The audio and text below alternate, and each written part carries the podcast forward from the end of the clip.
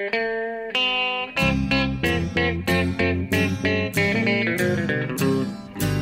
out there, we're on the air. It's hockey night tonight. Tension grows, the whistle blows, and the puck goes down the ice. The goalie jumps and the players bump, and the fans all go insane. Someone roars, Bobby scores at the good old hockey game. Oh, the good old hockey game is the best game you can name, Hallå, hallå, hallå, hallå, hallå, hallå, hallå, hallå, hallå, hallå, hallå. Hallå, hallå och välkomna till NHL-podcasten avsnitt nummer 322B, får vi säga. Ja, precis. Vi har redan spelat in avsnitt 322 så att vi får göra det igen för att det sket sig. Ja, vi har haft väldiga tekniska problem eh, med det förra programmet vi höll på med. Eh, det blev fiasko igen. Så nu spelar vi alltså åter in eh, det här avsnittet. Det är inte idealt, det är inte jättekul att sitta och prata om samma saker en gång till som man redan pratat om. Men ni får ju tänka på att det finns alltså ett outgivet avsnitt, vi får se det så, som sen kommer som bootleg i framtiden. Ja, precis. Det, det är möjligt att det släpps någon gång i framtiden, vem vet. Ja, nej, så att vi har ju redan snackat i en timme och en kvart inför trade deadline och slutspelsracet som vi ska prata om nu och, och lite allt möjligt. Så att eh, vi, vi får göra det igen. Vi har också ett nytt program och nya mikrofoner och grejer. Det, det, allt eh, hänger i luften så var, var, ha överseende om det blir något konstigt här. Ja, nej, precis. Vi hoppas att eh, det här helt nya sättet att spela in på funkar betydligt bättre. Det, är- Ja. det är tanken. Ja, Men eh, det har i alla fall hänt en grej sen eh, vi spelade in igår. Eh, då pratade vi om att Kyle Palmieri var ett av de hetaste namnen inför trade deadline. Som ju är då på måndag ska vi säga också. Det, är, så det här är sista avsnittet vi spelar in inför trade deadline. Eh, den 12 april klockan 9 på kvällen svensk tid. Eh, klockan 3 på eftermiddagen din tid där borta i USA. Eh, och vi pratar då om att Kyle Palmieri är ett av de hetaste namnen inför trade deadline att han har hållits utanför laget här på sistone för att inte riskera skada. Och kort efter att vi spelade in igår och spekulerade i var han kan hamna så blev det klart då att han hamnar i New York Islanders. ja. Tillsammans med eh, veteranen Travis eh, Sajak. Precis, han fick med sig Sajek också, Lou Lamoriellos gamla favorit från New Jersey. Plockade med sig, förra året tog han ju kaptenen Green från just New Jersey. Så det är ju ingen tillfällighet att han ska med sig Sajek också som ju faktiskt här tidigare under säsongen spelade sin tusende match. Så vi snackar ju verkligen veteran. Men det stora namnet är ju naturligtvis Kyle Palmieri som man väl får se som ersättaren då till skadade Anders Lee inför slutspelet. Ja, men det är väl typ så att Lou tycker om att deala med Jersey. Det är fortfarande hans lag någonstans. Eh, Grunden är det han som har lagt där. Och en viss sorts spelare som han tycker om finns det gott om där. Absolut. Och Palmieri var ju faktiskt ett av hans efterträdare Ray Sheros första drag att ta in. Han är ju en local boy från Jersey så han känns ju som en riktig Devils-ikon höll jag på att säga fast han bara varit där i 5-6 säsonger. Men eh, nu tar Lou honom helt enkelt till New Jersey och ja, det känns väl ganska bra. Vi ska väl säga vad han kostade också. Eh, ett första runda val fick de skicka till New Jersey från Islanders. Eh, det är väl den stora grejen i den här traden. Sen var det två AHL-spelare. A.J. Greer Eh, och vad hette den andra ens? Ja, jag kommer inte ihåg. Nej, nej. det var två, ja, Mason Jobst. Eh, så att det, det var två AHL-spelare som, det, det är första runda valet som är den stora grejen här helt enkelt. Eh, nej, men det, det, det var ett av de hetaste namnen på marknaden som sagt, Cal Palmieri. Inte haft en så bra säsong i, i år. Men under, fram till nu, under alla sina år i New Jersey, sedan han kom dit 2015, så har han faktiskt gjort minst 24 mål varje år. Ja, det är, det är en klassisk sniper. Ja, precis. Och lite, lite edge där som man tänker sig att, att eh, Lou gillar också. Och trots. Eh, lite så här tvåvägsspelare, kan spela boxplay också. Har kastat handskarna ett dussintal gånger i karriären också. Så att, Ja. Men det gör ju inget om de får in någon som kan göra lite mål. Fast jag vet inte, Barry Trotz är inte så intresserad av det. Härom, häromkvällen spelade de ju 0-0 Washington Islanders. Eh, eller det stod 0-0 till långt in i tredje perioden. Och så gjorde eh, Islanders ett mål och vann med 1-0. Eh, ganska tråkigt för de flesta att se, gissar jag. Trotz sa efteråt. Och så hell of a hockey game. ja, precis. Ja, det säger väl allt. Det säger väl allt. Ja. Det älskar han när det blir 0-0. Ja, nej, jag kommer ihåg att eh, i poddarna fram till denna så har du i alla fall eh, lyft fram att eh, ja, men kom ihåg att Lou tog in Ilja Kowalczyk en gång i tiden så att han är inte så lätt att räkna ut utan eh, varför skulle han inte gå efter Taylor Hall nu då? Liksom? Eh, alltså den typen av spelare snarare än sådana karaktärsspelare som ju framförallt Sajak är och kanske då Paul Mary också. Mm. Eh, men eh, ah, vi får väl säga att under tiden i Islanders här så är det ändå gamla Lou-spelare han gillar. Alltså, han tog även in Jean-Gabriel Pachot till ett dyrt pris förra året. Så det är ju trots allt sådana här tvåvägsspelare han vill ha. Ja. Och, och trots likaså.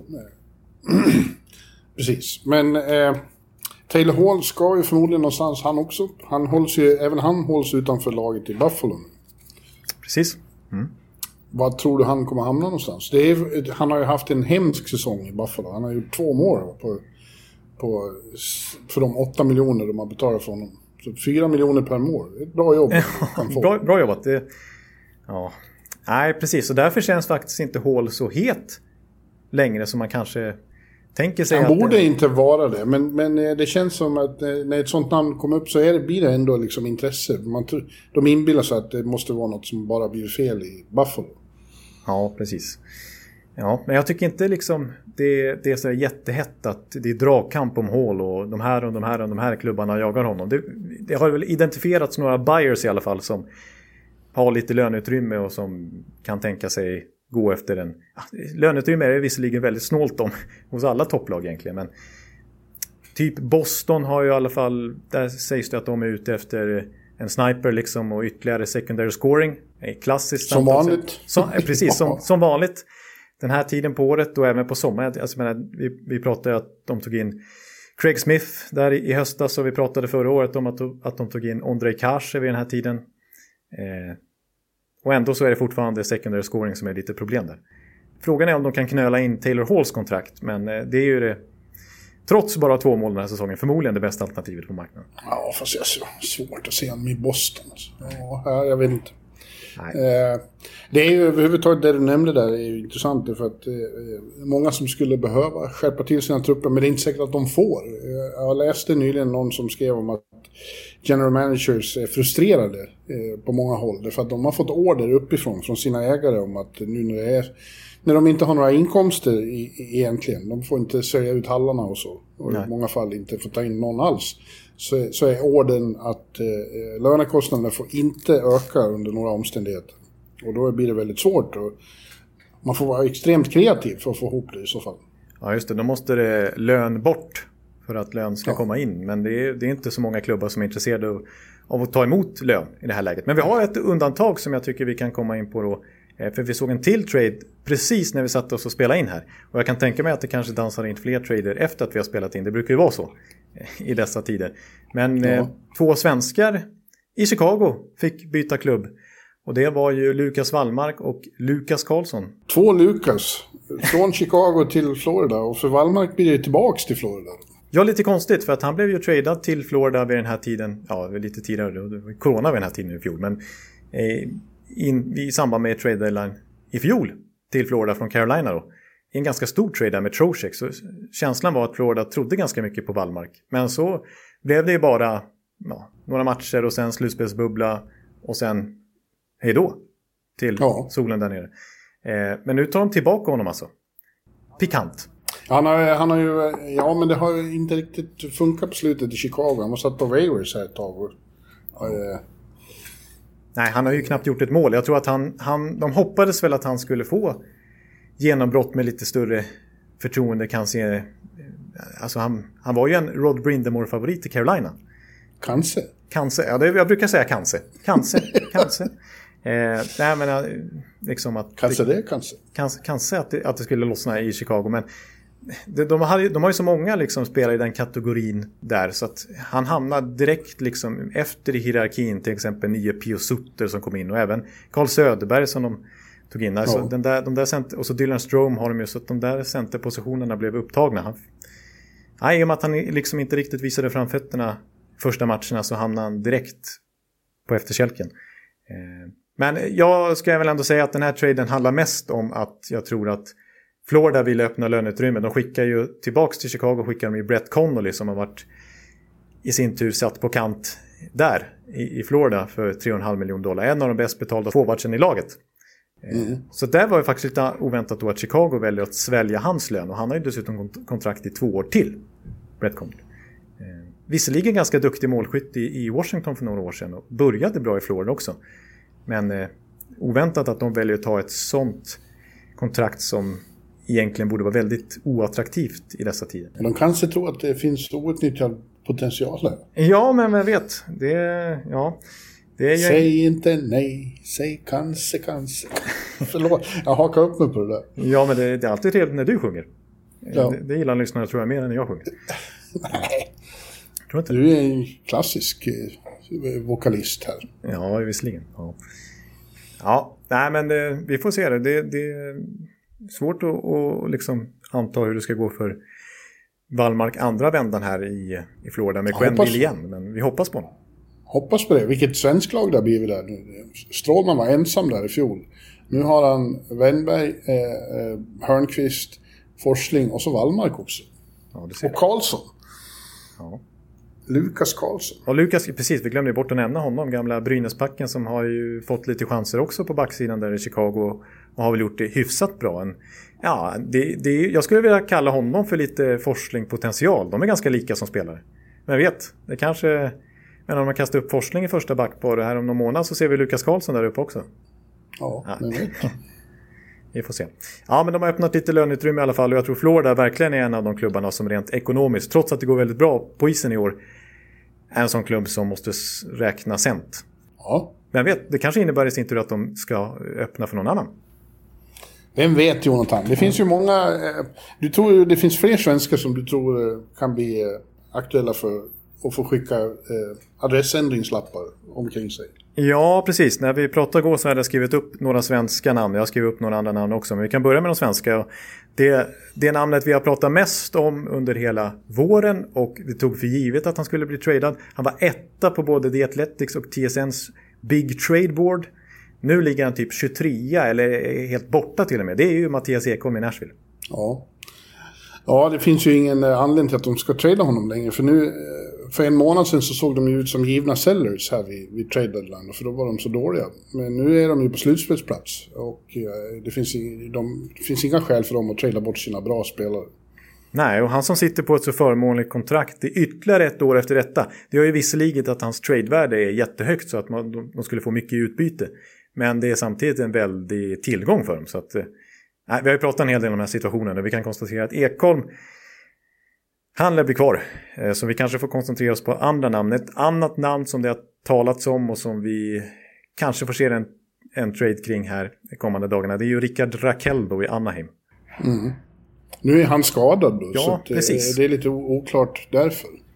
Ja, exakt. Det var ju otajmat. Eh, annars verkar ju Anaheim, eh, där Bob Murray, general manager, tycker jag är väldigt ovillig att sälja eh, var villig nu att kanske släppa lite gamla trotjänare. trotjänare. Ja. ja. Även Getzler får vi se om han blir tradad. Rakell är ju bara 27 år men, men på något sätt så är det en ny generation ändå som ska ta över där i Anaheim. Så att eh, vi får se. Rakell har ett ganska förmånligt kontrakt. Sprattlat till med ganska mycket mål och poäng här innan skadan.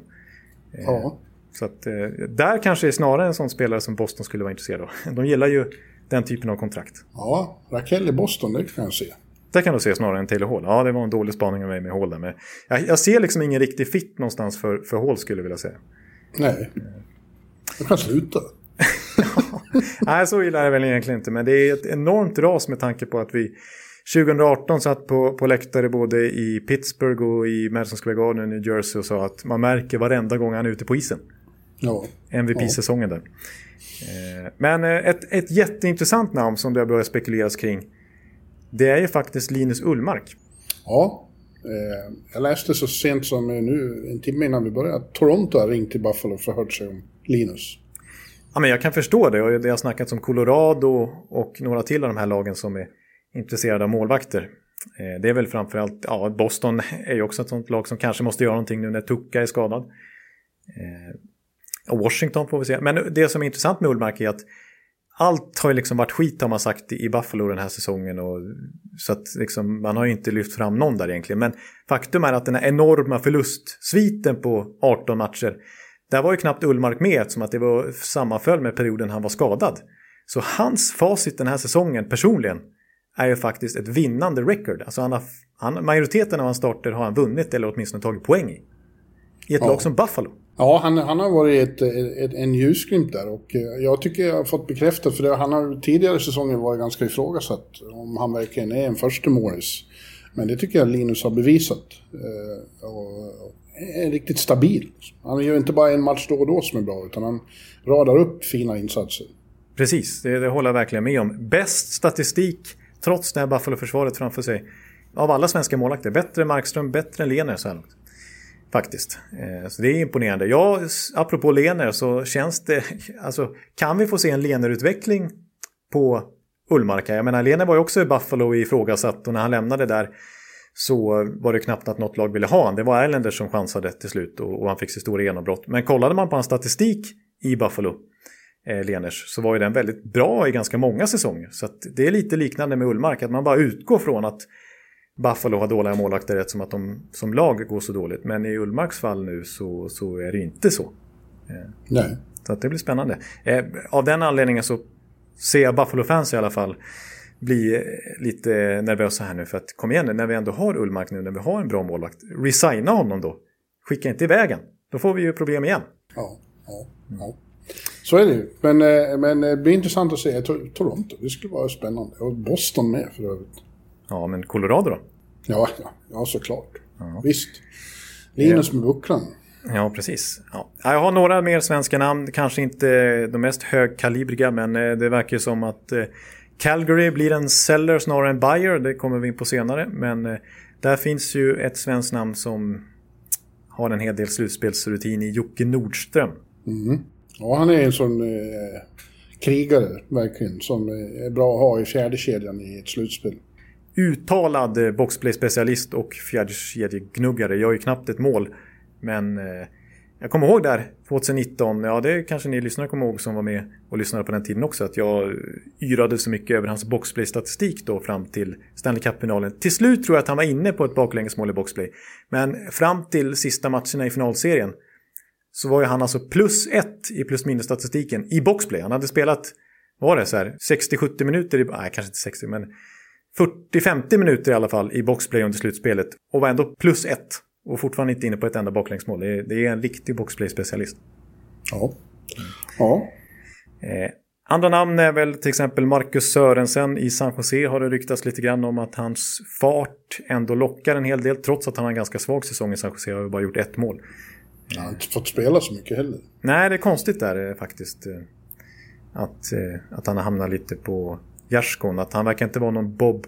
Nej, nu kommer jag in på uttalet. Men Bob Bogner-favorit. så är det Sen han kom in där så känns det som att Sörensen har ramlat ner lite. Sören på rören. Ja, precis. Är det någon som förtjänar sitt smeknamn så är det väl han. En av NHLs snabbaste spelare. Kan man ändå påstå. I, i, i liksom toppfart. Eh, jag nämnde i gårdagens podd också, vilket ju ni lyssnare inte har hört, men Bjurman, du har hört att jag har pratat lite om Patrik Nemeth. Ja, just det. ja, du får inte hänvisa till det där botliga avsnittet. Nej, det, det, glömmer vi bort här.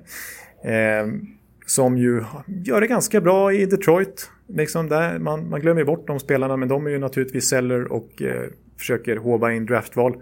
Och många lag är ute efter djupbackar. Jag tycker det är väldigt många backnamn i kategorin Patrik Nemeth som väntas bli tradade. Alltså en Brandon Montour i, eh, Buffalo till exempel. Och Jamie Oleksiak i Dallas har det pratats om. Och David Savard i Columbus och Ryan Murray i Devils. Och, oj, oj, vad man kan hålla på. Men det, det är, ofta är det ju populärt att bräda upp sin backsida lite grann. Ja. Inför slutspelet. Eh, ja, Nemeth skulle vara ett bra namn. Ja, precis. Och hans kontrakt ganska rejält på 3 miljoner dollar per säsong. Men det vittnar ju om vilken status han faktiskt hade på UFA-marknaden för några år sedan när Detroit skrev det där kontraktet. För han var ju bra i, i Colorado kommer vi ihåg.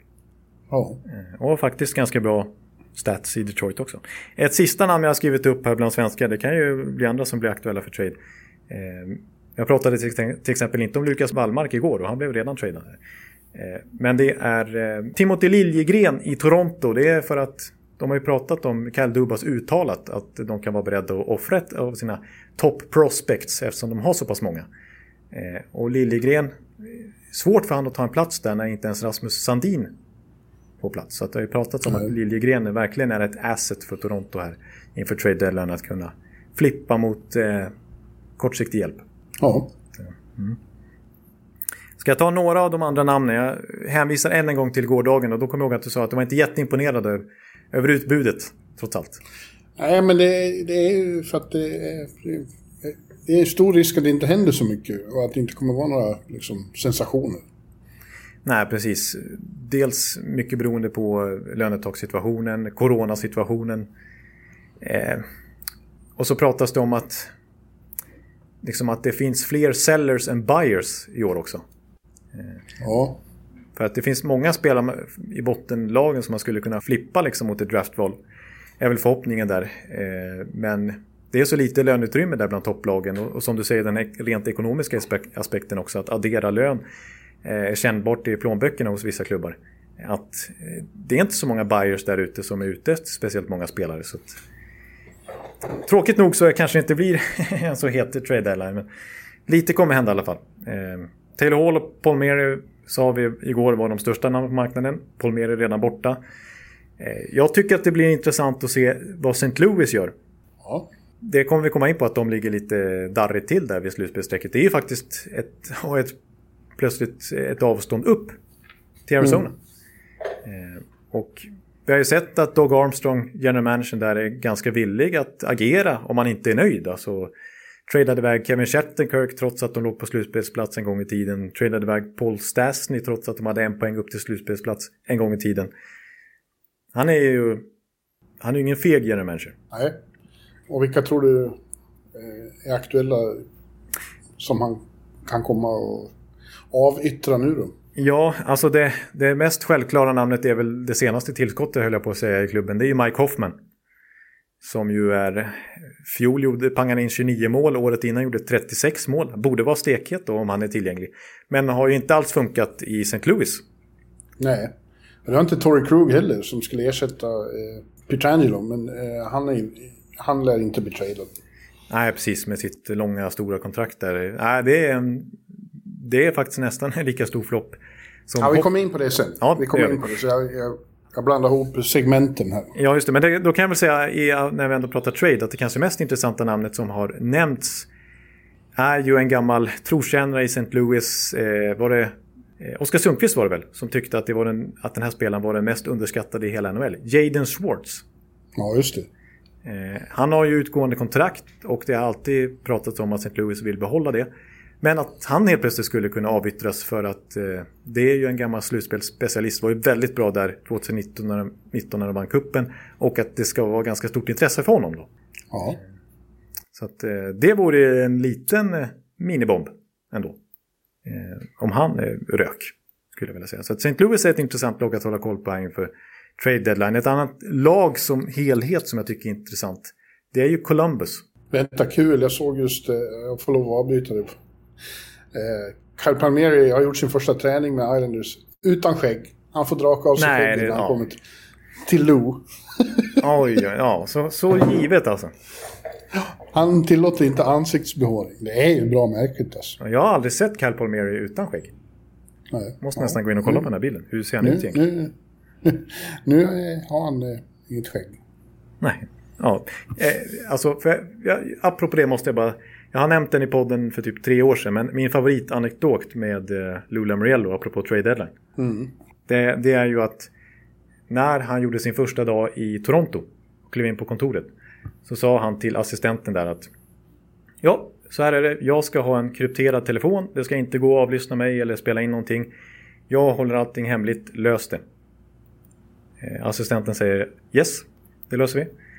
Eh, har ingen aning om vart man får tag i en sån telefon och hur det funkar och börjar googla, hittar ingenting, får lite panik och vet att Lou sitter där och kokar uppe på kontoret. Eh, så sista utvägen blir att ringa till sin motsvarighet i Devils då, gamla assistenten till Lou där och fråga vart får man tag i en sån här telefon eller kan jag få eran telefon eller jag måste ha en sån här telefon till Lou. Eh, och då säger assistenten, nej, nej jag vet inte heller hur man gör med en sån där telefon. Det jag gjorde det var att jag bytte ut eh, telefontråden från blå till röd och sa till Lou att eh, nu är den krypterad. Så det var så vi löste det helt enkelt. Så att gör samma sak. Och det funkar även i Toronto tydligen. humor. Ja. Nej, men jag var inne på Columbus eh, där innan vi pratade Cal Palmieris skägg. Eh, där ju ganska stora namn, ändå klassiska namn, kan plötsligt vara på väg bort. Inte minst då kapten Nick Folino. Ja, visst. Sen har vi David Savard som jag nämnde på backsidan. Eh, någon av målvakterna. Det verkar som att Merslikins är den som är närmast trade snarare än Korpisalo. Eh, det är ju för att Kekkeläinen älskar Korpisalo. Eh, så att det är en bra målvakt också. Merslikin skulle vara på gång någonstans tycker jag. Verkligen. Mm. Målvakter, ja. Det, det, finns behov av sådana på flera håll. Det är helt klart. Framförallt som backup. Ja, precis. Det har till och med pratats om att Tampa som har absolut noll löneutrymme eh, är så besvikna på Curtis McElhaney att de skulle kunna försöka flippa hit och dit för att få in en ny backup till slutspelet. Och att till exempel Jonathan Bernier i Detroit är ett namn som intresserar dem. Eh, så vi... Ja. ja. Nej, målvakter tror jag vi kommer få se röra på sig eh, lite hit och dit till toppklubbar. Backup-målvakter då. Yes. Du, innan vi går in på nästa segment som ska jag gå och hälla upp, jag ska ha vatten. Ska ha. Va? Ska du inte ha kaffe? Nej, jag, jag var ute igår kväll också. Då tycker jag inte om kaffe dagen efter. Alltså det är så det funkar i Bjurmansvärlden. Då ska det vara vatten? Ja. ja. Okej. Ja, men men eh, prata, prata du med, med lyssnarna så kommer jag snart tillbaks. Ja, en klassiker. Eh, jaha ja. Nej men eh, jag hade väl några namn till här eh, och det är kanske lika bra att Bjurman går bort då för han, tyckte, han var inte imponerad av eh, namnen jag nämnde mer som finns på marknaden här och så kan bli tradade. Och jag nämnde till exempel Scott Lawton i Philadelphia. Ah, kanske inte så sexigt men faktum är att i Philadelphia under slutspelsbubblan så var han bästa målskytt där och klev fram där och var feisty och var aggressiv och var i sitt rätta element. Så att det, det sägs att det är ganska stort intresse för honom. Och Philadelphia har ju visserligen också en teoretisk chans fortfarande att gå till slutspel. Men... Eh, ja, tillbaka. Ja, du ser. Eh, nu pratar jag om... Pratar om? Nu pratar jag om... Eh, nu kanske du suckar till här eller får ta en vattenklunk. Scott Lawton igen. Ja, tråkskott. Tråkskott ja, men ja, jag tror att om Philadelphia bestämmer sig för att snarare avyttra lite spelare. Vi får se om Erik Gustafsson blir tradad igen. Han har utgående kontrakt, skrev ju bara ett år med Philadelphia. Blev tradad vid förra årets trade deadline. Men Låton verkar det vara ganska stort intresse för. Jag nämnde igår där att eh, till exempel ärkerivalen Pittsburgh är och rycker i honom. Och det är alltid känsligt när de två klubbarna ska hålla på och trada med varandra. Det går ju knappt. Nej. Eh, nej, så att eh, ah, kanske inte den allra hetaste trade deadline, men jag tror ändå att vi kan få se. Alltså, menar, det, det finns ändå vissa stora namn Alltså, Line, vem vet? Vem ja, vet? precis. Det, du är inte så stort namn längre, men fortfarande lite av en bjudefavorit som kanske kan bli aktuell för trade. PK Subban. Ja, ja det, var ju, det var mycket rykten om det tidigare för, för en månad sedan, men nu har det liksom lugnat ner sig. Ja. Ja, nej, han, så... har ju, han har ju en liten renässanssäsong. Han har ju varit bra. Eh, lite utanför radarn. Under radarn. Ja. ja. men för att sammanfatta lite grann innan vi går in på nästa ämne så eh, känns det väl som att Colorado kommer göra någonting. Kanske någon eh, middle six forward, kanske förmodligen en backup då. Eh, det räcker inte med Jonas Johansson. Utan de vill ha en, en riktigt stabil backup till den skadebenägne Pavel, nej inte Pavel Franchos, han är redan skadad. Jag tänkte på Filip Grobauer. Jo. Mm. Jag tror att Toronto kommer göra någonting. Vi har ju pratat om att en sån som Timothy Liljegren kan offras för en en hyfsad forward eller om de vill också vill ha en, en till backup-keeper där. Även om Jack Campbell nu gör, gör det ju otroligt bra, sätter massa rekord, har vunnit alla sina tio starter den här säsongen. Ja, det är helt sjukt. Va, vad ska de med målvakt till då? Det är väl i så fall Fredrik Andersen som ska ersättas, snarare än Jack Campbell. Ja, nej, men eh, Toronto tror jag kommer göra någonting. Boston kommer säkert göra någonting. Eh, Carolina har det pratats om. Är en liten dark horse här för att göra något ganska kraftigt. Ja, St. Louis blir intressant att följa som sagt. Så att, eh, eh, vi kan väl redan nu då innan vi lämnar det här segmentet säga att det kommer bli en trade deadline-sändning på Sportbladet i vanlig ordning. Från 19 sätter vi igång och deadline är alltså 21. Så vi håller väl på ett litet tag efter det och ser vad, vad som hinner samlas in. Så att det blir, ja. ja. det blir du och jag och det blir Andreas Käck här från Sportbladet också. Så Kristoffer Bodin som i vanlig ordning programleder. Den gamla Ja, jag dyker väl upp då och då gissar jag. Du lär väl sitta och liveblogga och sådär? Ja, ja. Så att eh, vi ringer upp dig så fort du har tid. Mm. Och det kommer gå att ställa frågor både i bloggen förstås men också i, i live-chatten. Då. Så att det ser vi fram emot. Det gör vi verkligen. Det kanske behövs om det inte händer så mycket. och om vi är ändå inne på att flagga för eh, våra egna saker så eh, vill jag då rekommendera eh,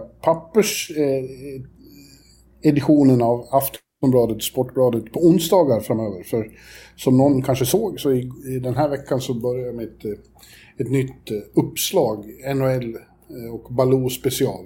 Just det. Och så kommer det att vara varje onsdag framöver här. Så att, eh, håll koll på det. Ja, verkligen. Jag eh, bläddrade i, i onsdagstidningen. Det är ju alltid skönt förresten att bläddra i en gammal papperstidning också. Ja. Det är underskattat.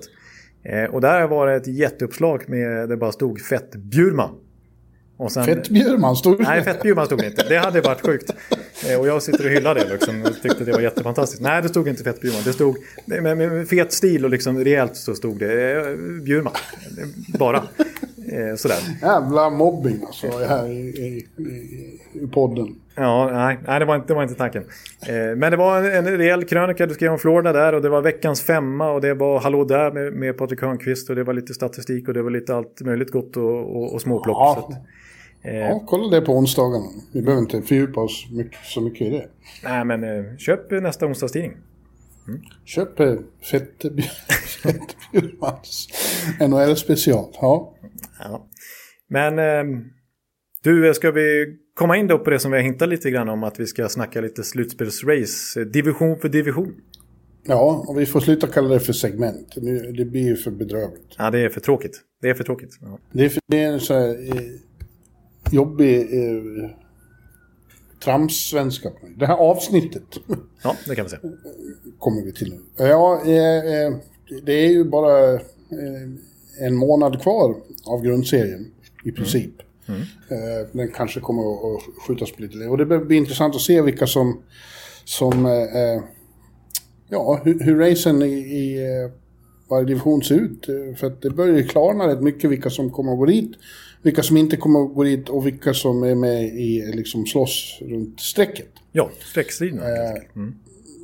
Och vi börjar med norr då, i North Division, den renodlade kanadensiska divisionen. Så där är det ju inte så mycket till race då, utan där är det fyra som har utkristalliserats och kommer, jag svär på att det är Toronto, Edmonton, Winnipeg och Montreal som kommer att gå till slutspel. Mm. Det, det, Calgary kändes som att de skulle kunna haka på ett tag, men de har varit för dåliga nu. Och nu är ju dessutom allt i kaos där på grund av Vancouvers eh, besvär med corona. De har ju de är ju nedstängda. Hela laget är smittat, inklusive ledare. Och vi vet inte när de kommer att börja spela igen. Om de kommer att börja spela igen. Nej, nej precis. Eh, verkligen. Det är ju alltså det är, är det, över 25 konstaterade fall i klubben nu.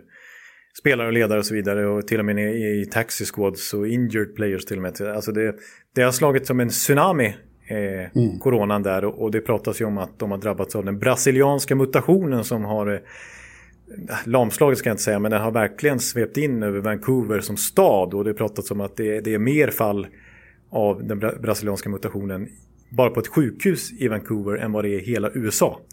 Ja. Även Canucks då är, är drabbat och eh, som du säger, alltså det, det, det är verkligen allvarligt, eh, liksom tongångarna där, kommer de ens kunna fullfölja säsongen ungefär? Ja, eh, så är det. det. Det viktigaste är såklart alla inblandades hälsa och vi hoppas att alla kommer att må bra. Och förhoppningsvis gör de ju det. De är ju eh, toppidrottsmän i, i fantastiskt skick allihop. Eh, men eh, rent hockeymässigt så dels, de drabbas ju själv allra hårdast, men även andra lag där som skulle spela mot dem den här veckan, till exempel Calgary. Mm. Eh, det börjar ju halta väldigt. Liksom.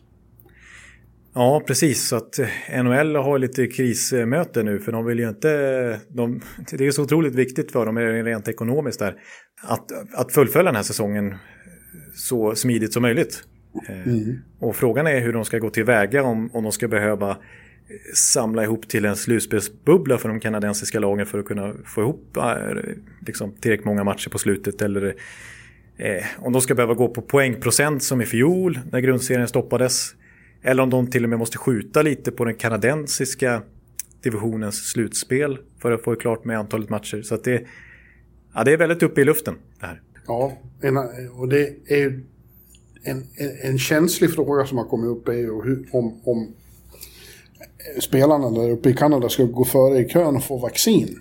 För att till skillnad från USA så är det, Kanada är mer som Sverige. Det, det, är inte, det har inte kommit igång alls medan vi här har 150 miljoner har fått första dosen redan i USA. Och eh, jag såg igår fick hela Rangers eh, eh, vaccin.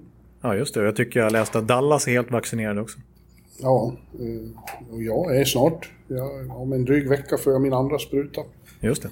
Mm. Och då är det ju, alltså, det är ju tveksamt moraliskt om inte de äldsta och, och svagaste har fått eh, sprutor att, att de här toppidrottsmännen ska gå före. Men samtidigt så om man, om man nu ska ha en, eh, en, eh, den här formen av underhållning under en pandemi, då kanske det är det pris man får lov att betala.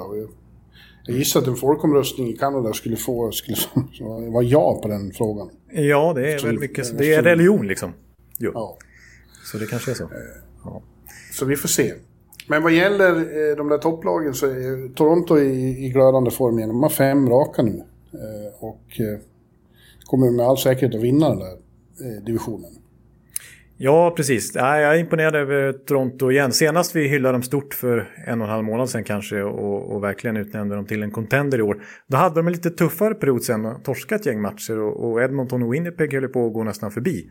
Men sen har de studsat tillbaka igen och, och pratas väldigt mycket i Toronto där om att det är en annan karaktär på det här laget och att de, det är, de är mer resilient och sådär. Så vi får väl se i slutspelet men det, det känns som att de är bättre förberedda än någonsin i alla fall och ha lite, lite fler, lite mer dynamiska kanske, lite fler komponenter än vad de haft tidigare.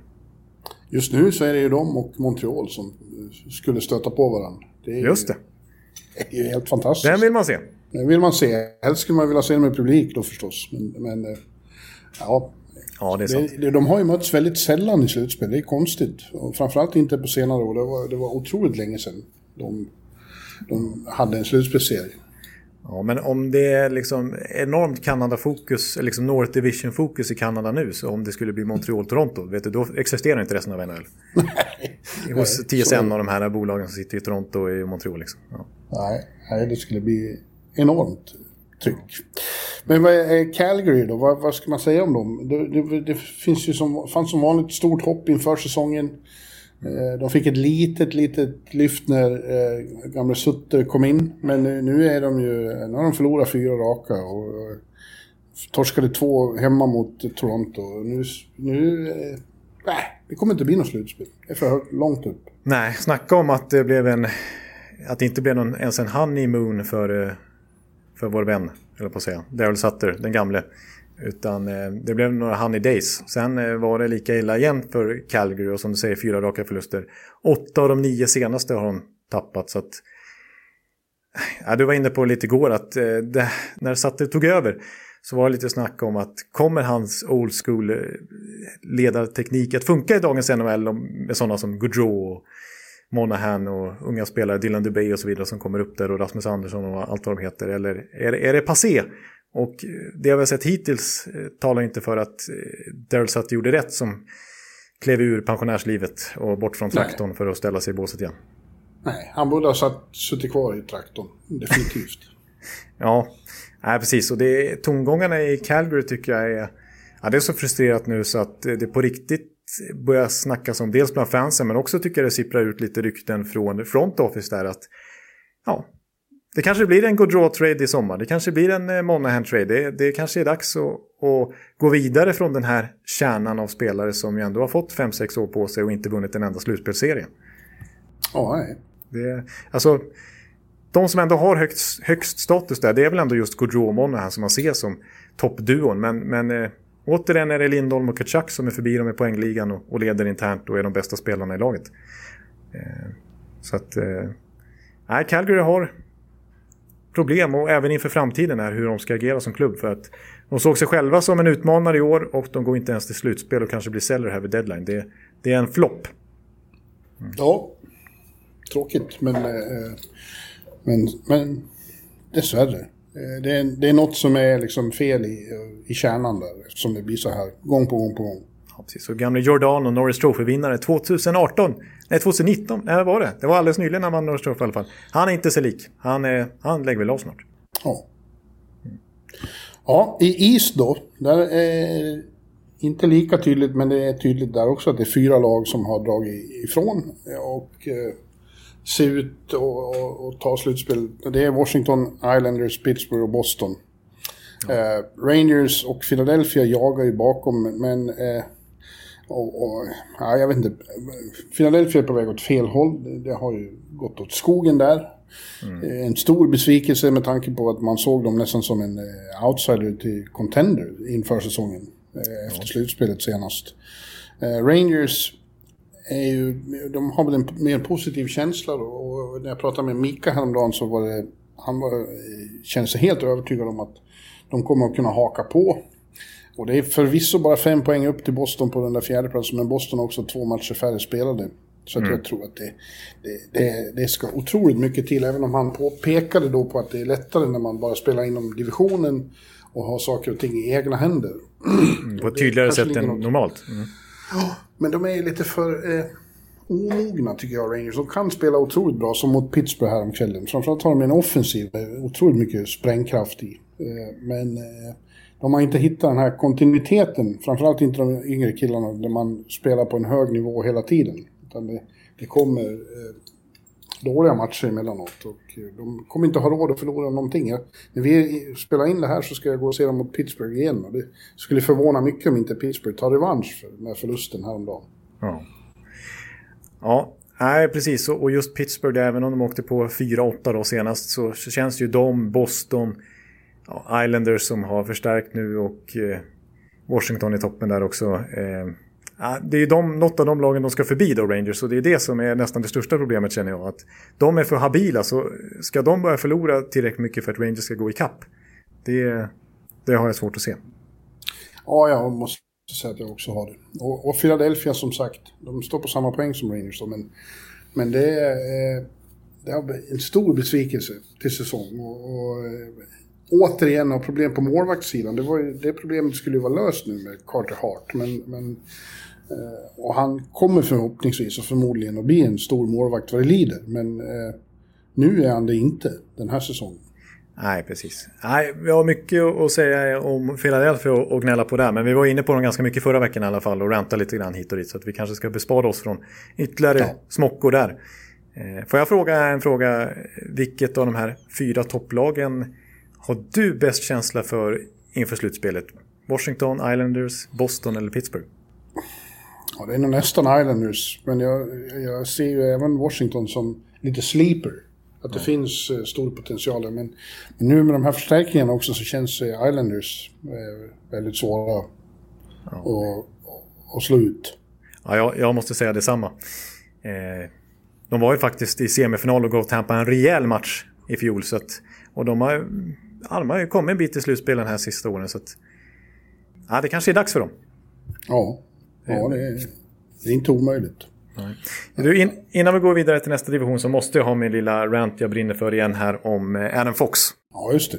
Och, och, då kanske ni tror att det handlar om eh, vilken förträfflig back han är. Men det är väl kanske ingen ny spaning. Men, men ja, lite ny spaning för att han börjar faktiskt verkligen blanda sig i alltså, Norris Trophy-racet. Ja, absolut. Han är ju otroligt bra. Men det jag egentligen ville koncentrera mig på här, det är ju apropå lite att det är trade deadline nu och att det byts klubbar hit och dit och draftval hit och dit och så vidare. Det, det, det jag vill säga om honom då det är att hans väg till Rangers liksom den är lite emot hur NHL är tänkt att fungera, hur systemet ska fungera och det här rättvisa NHL om man kan kalla det så. Eh, för att han draftades ju inte av Rangers. Han draftades av Calgary som verkligen skulle behöva en Adam Fox nu. Oh. Alltså en, eh, en storback, framtida, eller en storback nu och dessutom är det enorma potentialen han sitter på. Snacka om att det kanske skulle vara en annan situation, liksom framtidsutsikter där då. Eh, men han vägrade ju skriva på för Calgary, trots att han var draftad av dem. Mm. Eh, så att, eh, ja, de fick ju helt enkelt trada iväg hans rättigheter. Eh, och det gjorde de ju i den här stora blockbusten för några år sedan när Lindholm kom till Calgary och Doggy Hamilton åkte till Carolina istället. Och det var några fler spelare inblandade där, Noah Hannafin till exempel. Och Adam Fox. Han hamnade i Carolinas ägo då istället. Eh, var ju väldigt hypad ung back på Harvard faktiskt, Harvard University, Adam Fox. Eh, så att Carolina ville definitivt skriva kontrakt med honom och var nöjda med den traden. Men inte heller med Carolina ville Adam Fox skriva på. Han är ju die hard Rangers-fan sen han var liten, kommer ju från trakterna där och har uppvuxen delvis på Madison Square Garden. Så det var lite han ville, så att eh, det var bara att skeppa vidare då till slut till Rangers. Och så skrev han på direkt.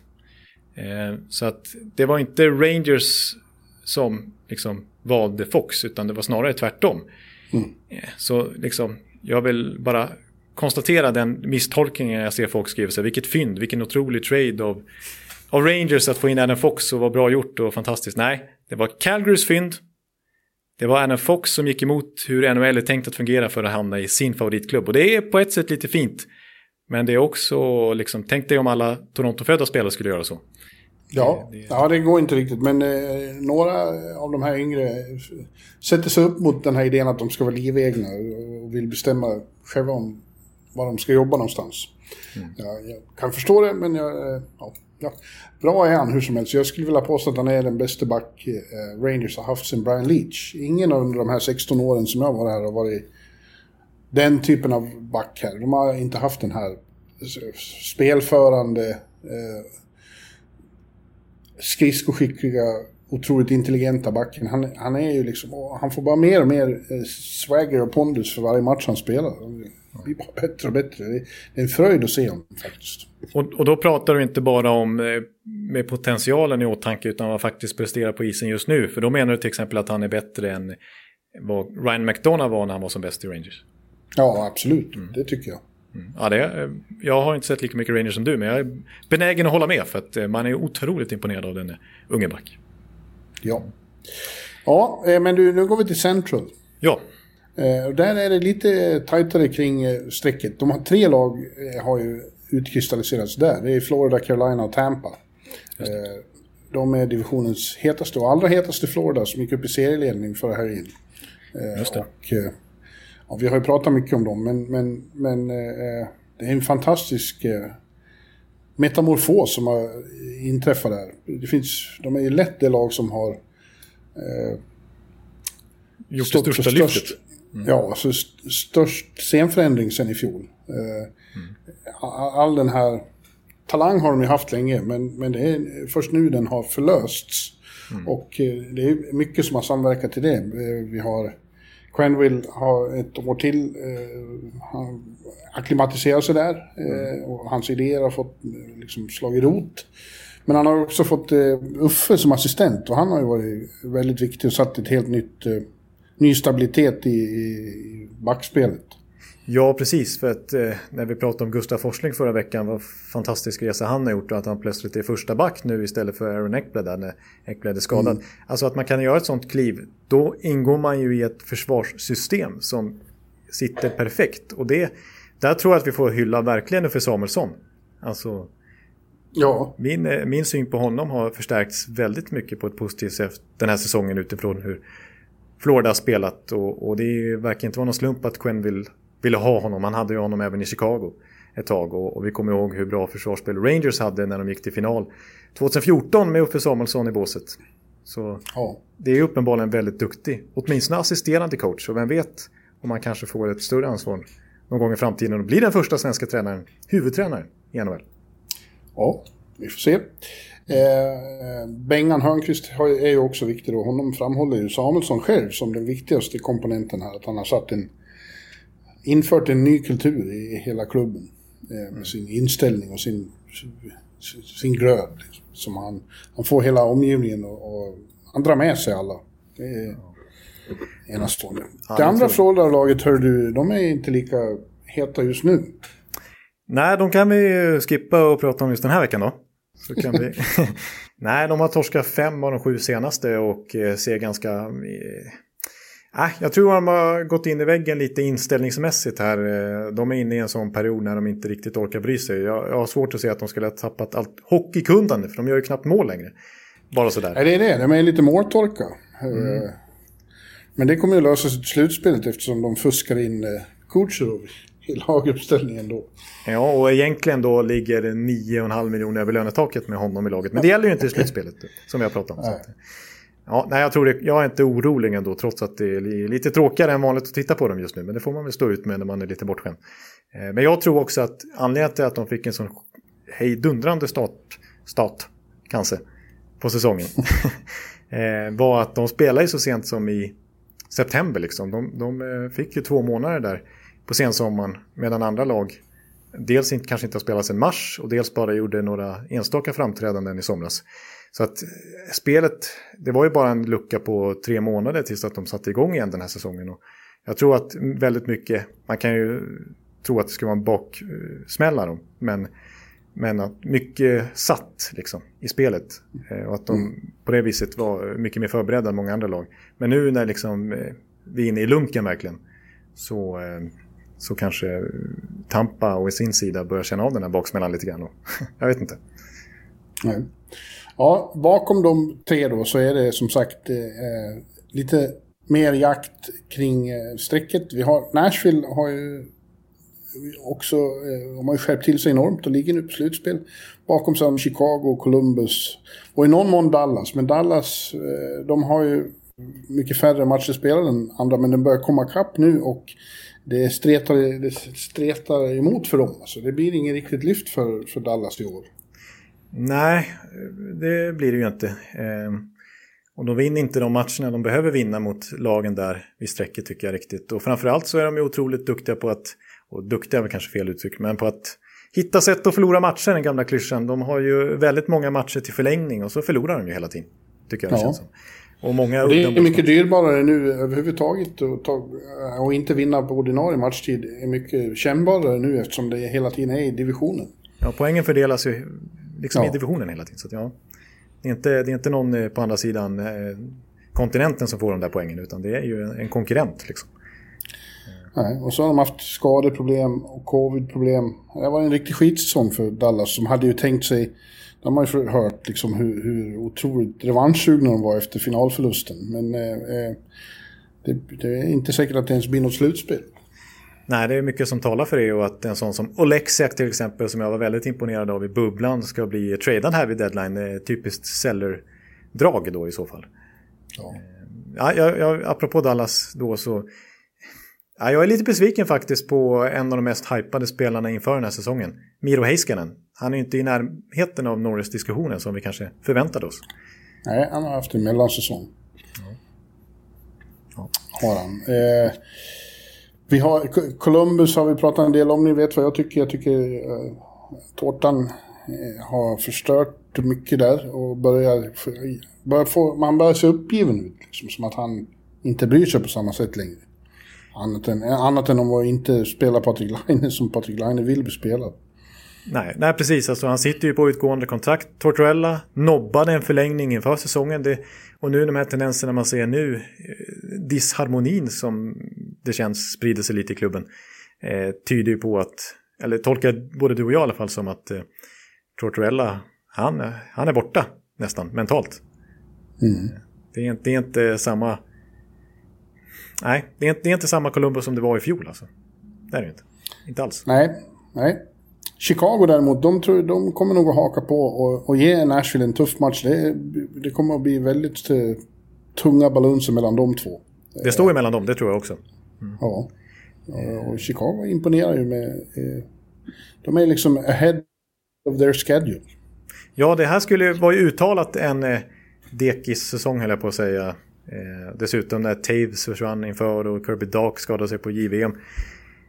Ja, jag skrev till och med en text om dem i eh, NHL-bibeln där eh, citerade Stan Bowman och lite sådär om att eh, ja, det här är ingen säsong, vi kommer gå till slutspel. Liksom. Det.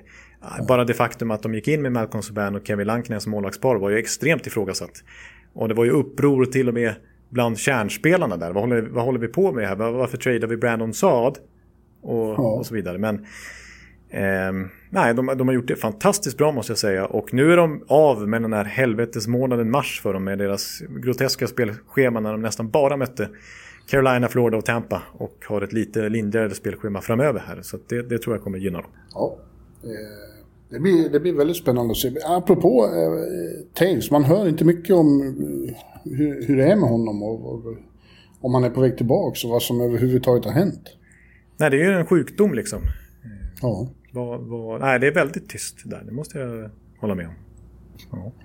ja. Kvar har vi då väst. Eh, där har vi också... Eh, jag hävdar tre lag, du säger två. Eh, att Colorado, Vegas och Minnesota står i en klass för sig. Och du säger att Minnesota är inte riktigt uppe där. Men det, jag vet inte om du såg hur det gick igår? Jo då. De vann med vad? 8-2 eller vad var det? Ja, jo, ja. ja. 8-3 mot Colorado just. Och Fiala, han är Fiala bra alltså. Ja, där kom den från dig ja. ja. Jag trodde att jag inte fick säga den längre, men det är bra att du... Jag gillar ju den. Så att, ja. Han gjorde hattrick och, och, eh, Minnesota är verkligen ett bra hockeylag. Och de, det, framförallt är det ju så att de har blivit så otroligt mycket roligare. De har ju fått en helt ny identitet. Efter att ha varit ett lag som man alltid har känt att ja, de spelar sin tråkhockey. Profillöst. De tycker det själva också. Ja, eh, nu är det fest i, i Excel Energy Center. Ja, precis. Det är ju Fialla och det är Caprizo och det är Zuccarello som är den gamla Zuccarello. Och det är, ja, Det, det, är liksom, det är sprutt på sådana spelare som Nick Bjugstad och sådana här gamla eh, som man trodde var borta liksom. Ja. Viktor Rask till och med som ju skulle köpas ut här om året. Mm. Ja, Vegas och Colorado har vi pratat mycket om. Det är två fantastiska superkrafter ändå i, i superpowers i NHL. Ja. Bakom är det intressantare då, för där har ju Arizona klivit fram och eh, tagit fjärdeplatsen av St. Louis. St. Louis som eh, hade, nu bröt de ju äntligen sin förlustsvit igår då. De hade sju raka förluster eh, innan den lite överraskande segern mot just Vegas hemma i Enterprise. Mm. Ja. Men de känns inte, det känns som det har tappats mycket i blues. Eh, som vi redan nämnde, Tory Crew har inte blivit lyckad än eh, och inte Hoffman. Och, och, och de saknar verkligen ledarskaps och... Alltså när Sten försvann innan försäsongen och Pietrangelo eh, det var mycket rutin som försvann och nu har ju dessutom en sån som Sundqvist som är väldigt viktig för Blues när de vann till exempel med, sin, med sin, den där kedjan han och Sten bildade med ja. Ja, den var ju fantastisk eh, framförallt 2019. Och, man ska ja. nog inte underskatta trots allt ledarskapet som du, som du är inne på att Sten bidrog med. Alltså, både han och Peter Angelo var ju närmast institutioner i Blues omklädningsrum. De har varit där i över ett decennium båda två. Ja. Så, det, det är klart att det märks att de är borta. Ja, och så har de Binnington i mål som inte, som jag ser som nya Matt Murray och det tycker jag har fått rätt i. Så det, det, Eh, de, det finns ju någon kultur ändå av eh, att nu tar vi oss samman och fixar det här. Så de kommer väl inte att rasa, men eh, det kan bli svårt mot ett Arizona som känns väldigt pigga. Ja, precis. Alltså, jag vill bara återkoppla det och säga att Berube kallade ju den här truppen helt plötsligt för weak-minded här. Ja. Och då, då svarar de ju i alla fall med att, att, vinna nästa match. Men absolut, de går upp mot ett Arizona som är ganska stabila faktiskt. Eh, ju, nu. Ja. Rick Tockets hårda nyper, jag på att säga. Eller hårda nyper, han är ganska... Är, många spelare gillar ju att, ha honom. Till exempel Phil Kessel som inte många andra coacher inte haft som favorit sådär. Men, men eh, ja, Rick Tocket gör det bra, fortsätter göra bra i Arizona. Ja, eh, det är spelare som tar stora kliv där hela tiden. Jacob Chychrun har ju mm. också blandat sig i Norris diskussion nästan. Häromdagen gjorde han hattrick. Han vann med 3-2, han gjorde alla målen. Det är rätt bra.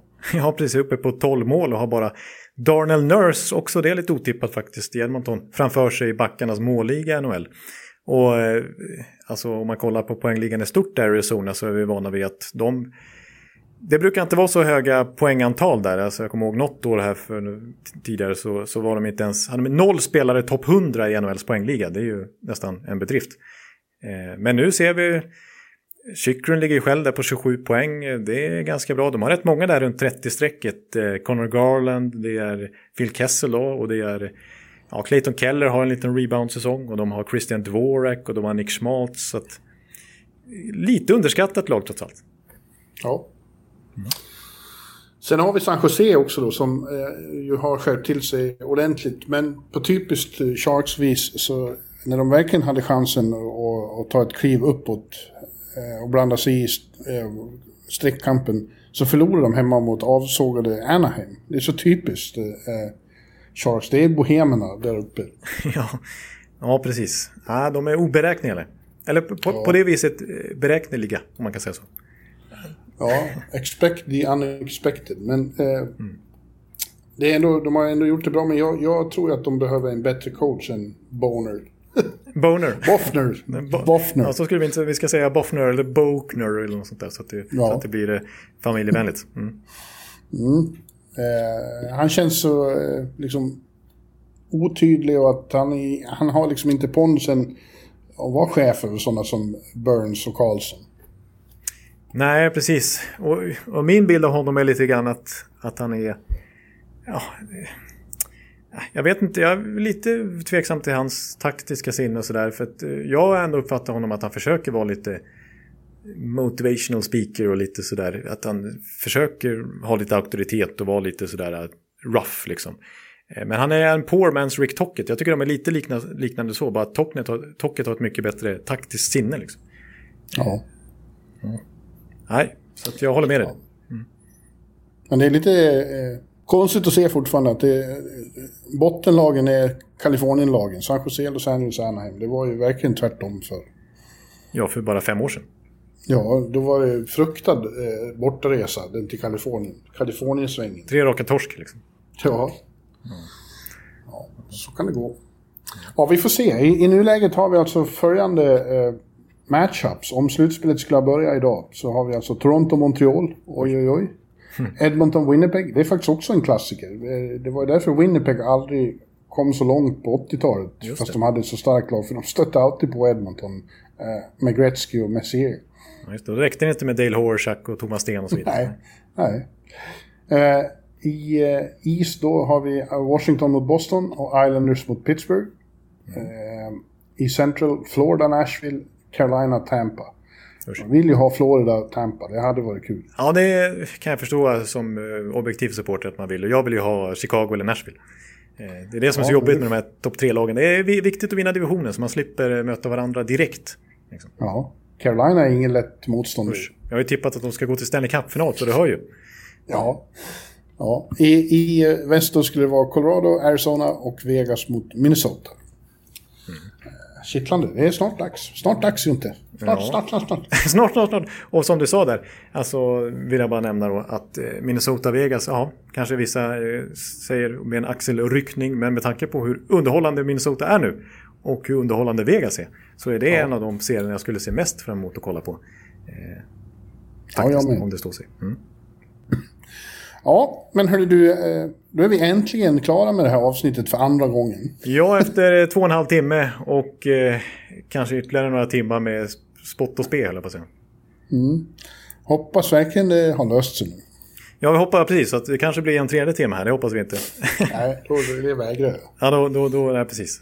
Nej, jag tror att det har funkat. Det känns lovande hittills. Eh, ni lyssnare får väl göra en bedömning då. Eh, och, och förhoppningsvis lovande om ni hör oss nu. Då har Ja. det troligtvis funkat. Så, För nu säger vi tack eh, för den här gången. 322 avsnittet klart. Tack och bock och hej! ja, vi hörs efter trade deadline. Då blir det massa snack igen. Oj, vad vi ska analysera. Hej! Hallå, hallå, hallå. Hallå, hallå, hallå. Alex Chiazot, Joe Luis Arena och Esposito. Esposito. Uttalsproblem, men vi tjötar ändå. Och alla kan vara lugna, inspelningsknappen är på. Bjuder Hanna Kohl, han är grym i sin roll. Från Kållesoffan har han fullständig kontroll på det som händer och sker. Det blir ju allt fler som rattar in hans blogg. Och lyssna på hans podd. One, two, time, speed, so Hallå, hallå, hallå.